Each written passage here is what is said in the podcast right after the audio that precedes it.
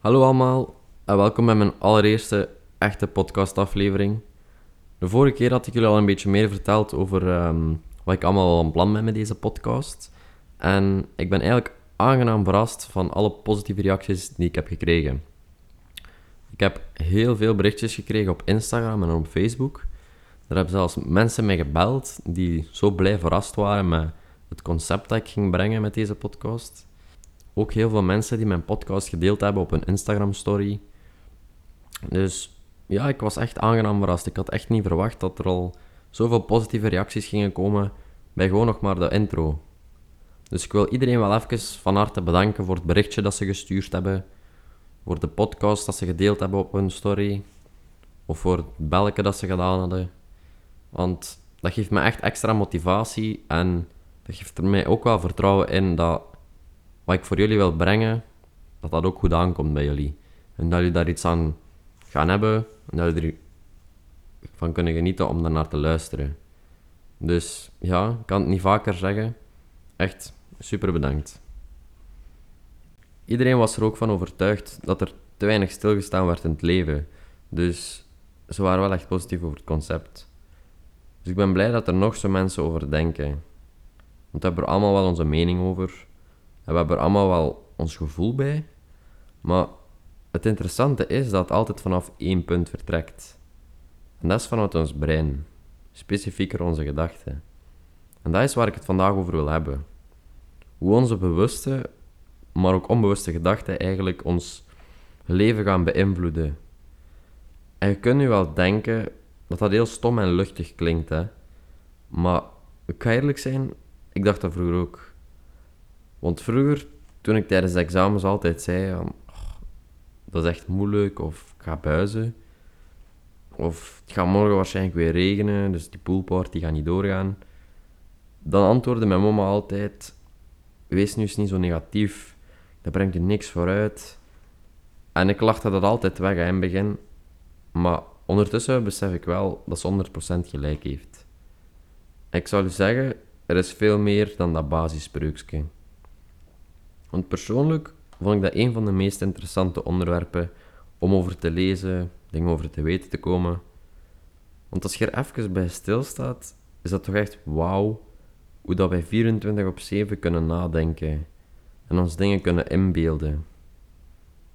Onze hersenen zijn toch echt iets speciaals.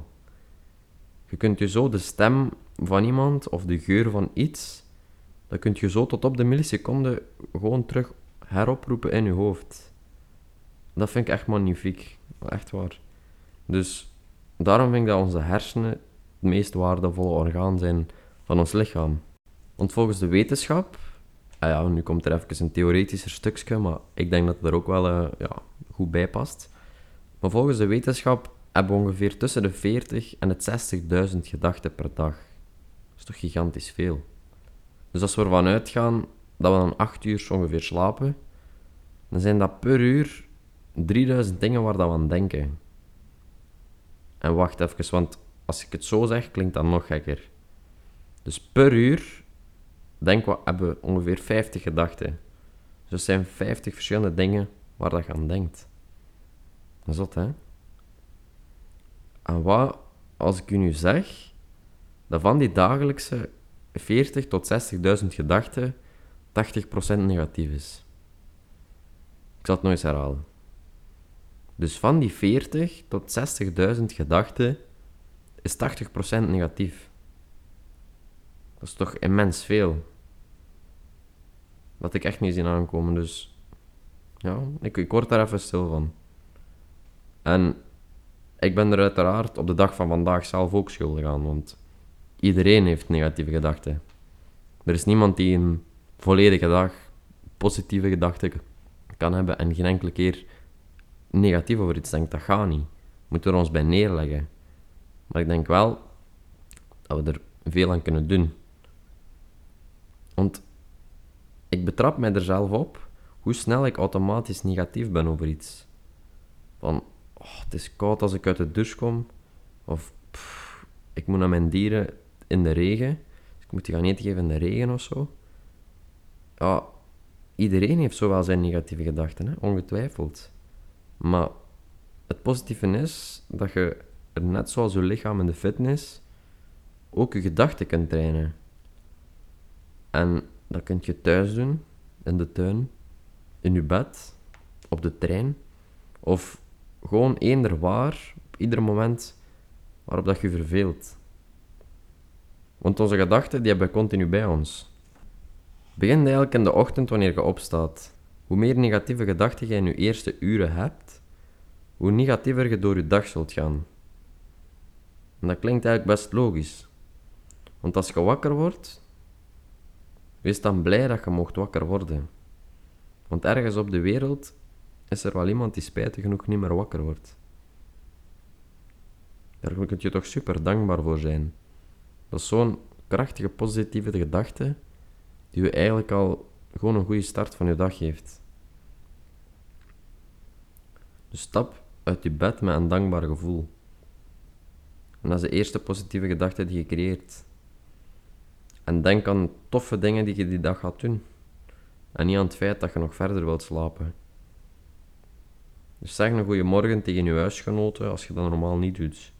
En kijk hoe blij dat ze al dan niet zijn met de positieve vibe die je meebrengt.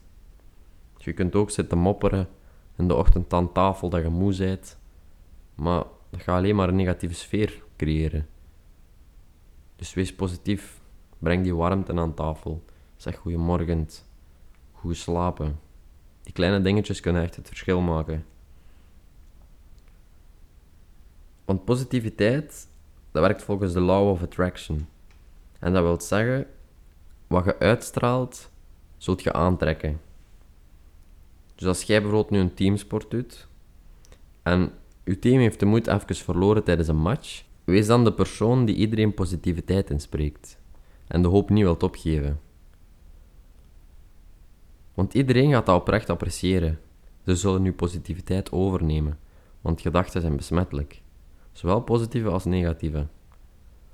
Want zodra ik negatief denk over iets, probeer ik die gedachte te ontleden. Van waar komt deze gedachte? Is het terecht? Of ben ik weer voor niks aan het panikeren? En dat is iets klein, maar probeer jezelf maximum 5 minuten te geven om bij die negatieve gedachten te blijven hangen. En ik hoor je al denken, 5 minuten is heel kort. En uiteraard is dat relatief. Als dat over een simpele negatieve gedachte gaat van het is koud of bla bla bla, ja, dan, dan moet je dat op vijf minuten kunnen omkeren in iets positiefs. Maar als het echt over iets, iets veel erger gaat, ja, dan snap ik wel dat je daar misschien langer over doet. Maar zeker over een kleine negatieve gedachte, probeer die negatieve gedachte onmiddellijk om te zetten in iets positiefs. Want je brein heeft de kracht om dat te doen, dus maak er gebruik van. En ik zal opnieuw een voorbeeld geven uit mijn eigen leven, zodat het misschien een beetje duidelijker wordt. Ik heb altijd al inspecteur bij de politie willen worden, omdat ik ervan hou om mensen te helpen, een luisterend oor te zijn en te leven in een veilige omgeving. Dus dat sprak me echt aan en ik heb er zelfs integrale veiligheid voor gestudeerd. En ja, die selectieprocedure dat heeft een jaar en een half geduurd, uitzonderlijk lang, maar door corona zeiden ze. Dus ja, ik kon daar niks aan veranderen. En om een lang verhaal kort te maken, um, ik was niet geslaagd. Mijn eerste gedachte was uiteraard: shit, wat nu? Mijn, droom, mijn droomjob valt in het water. Heb ik wel nog andere opties of ga ik op straat eindigen, bij wijze van spreken? Oké, dat is misschien nu extreem, maar 3000 gedachten die dat uur door mijn hoofd spoelden. En vooral negatief uiteraard. Maar sneller dan ik had verwacht, was het mij wel gelukt om mij daarover te zetten en dat in iets positiefs om, om te zetten. Ik dacht van, over acht maanden mag ik herkansen.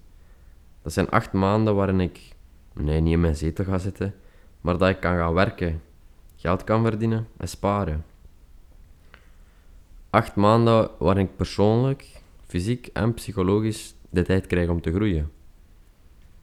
Dus dat ga in mijn voordeel spelen in de volgende selectieprocedure. Dat is een kans, dat is een opportuniteit. En de keuze is dan nu of je die kans gaat grijpen of niet. Gaat je er negatief over blijven mopperen of ga je die negatieve gedachten omzetten in iets positiefs en er vol voor gaan? En ik wou niet wegrotten van teleurstelling na 1,5 jaar de moed hoog te houden. Dus ik heb ervoor gekozen om positief te blijven. En wie weet wat er nog allemaal op mijn pad komt. Het leven zit vol kansen en ja, ik ga nog verschillende wegen kunnen inslaan. Nog iets wat ik persoonlijk vind dat wel een invloed heeft op je positieve gedachten, is je kamer zo vrolijk mogelijk proberen in te richten. Met vrolijke kleuren, leuke foto's van mooie herinneringen met je vrienden of van mijn familie, of met je vriend of vriendin. Want je begeven in die ruimte, dat gaat onbewust een invloed op je hebben. En ik weet dat je dat niet direct zou geloven. Ik vond het ook maf, maar het heeft daadwerkelijk echt invloed op je.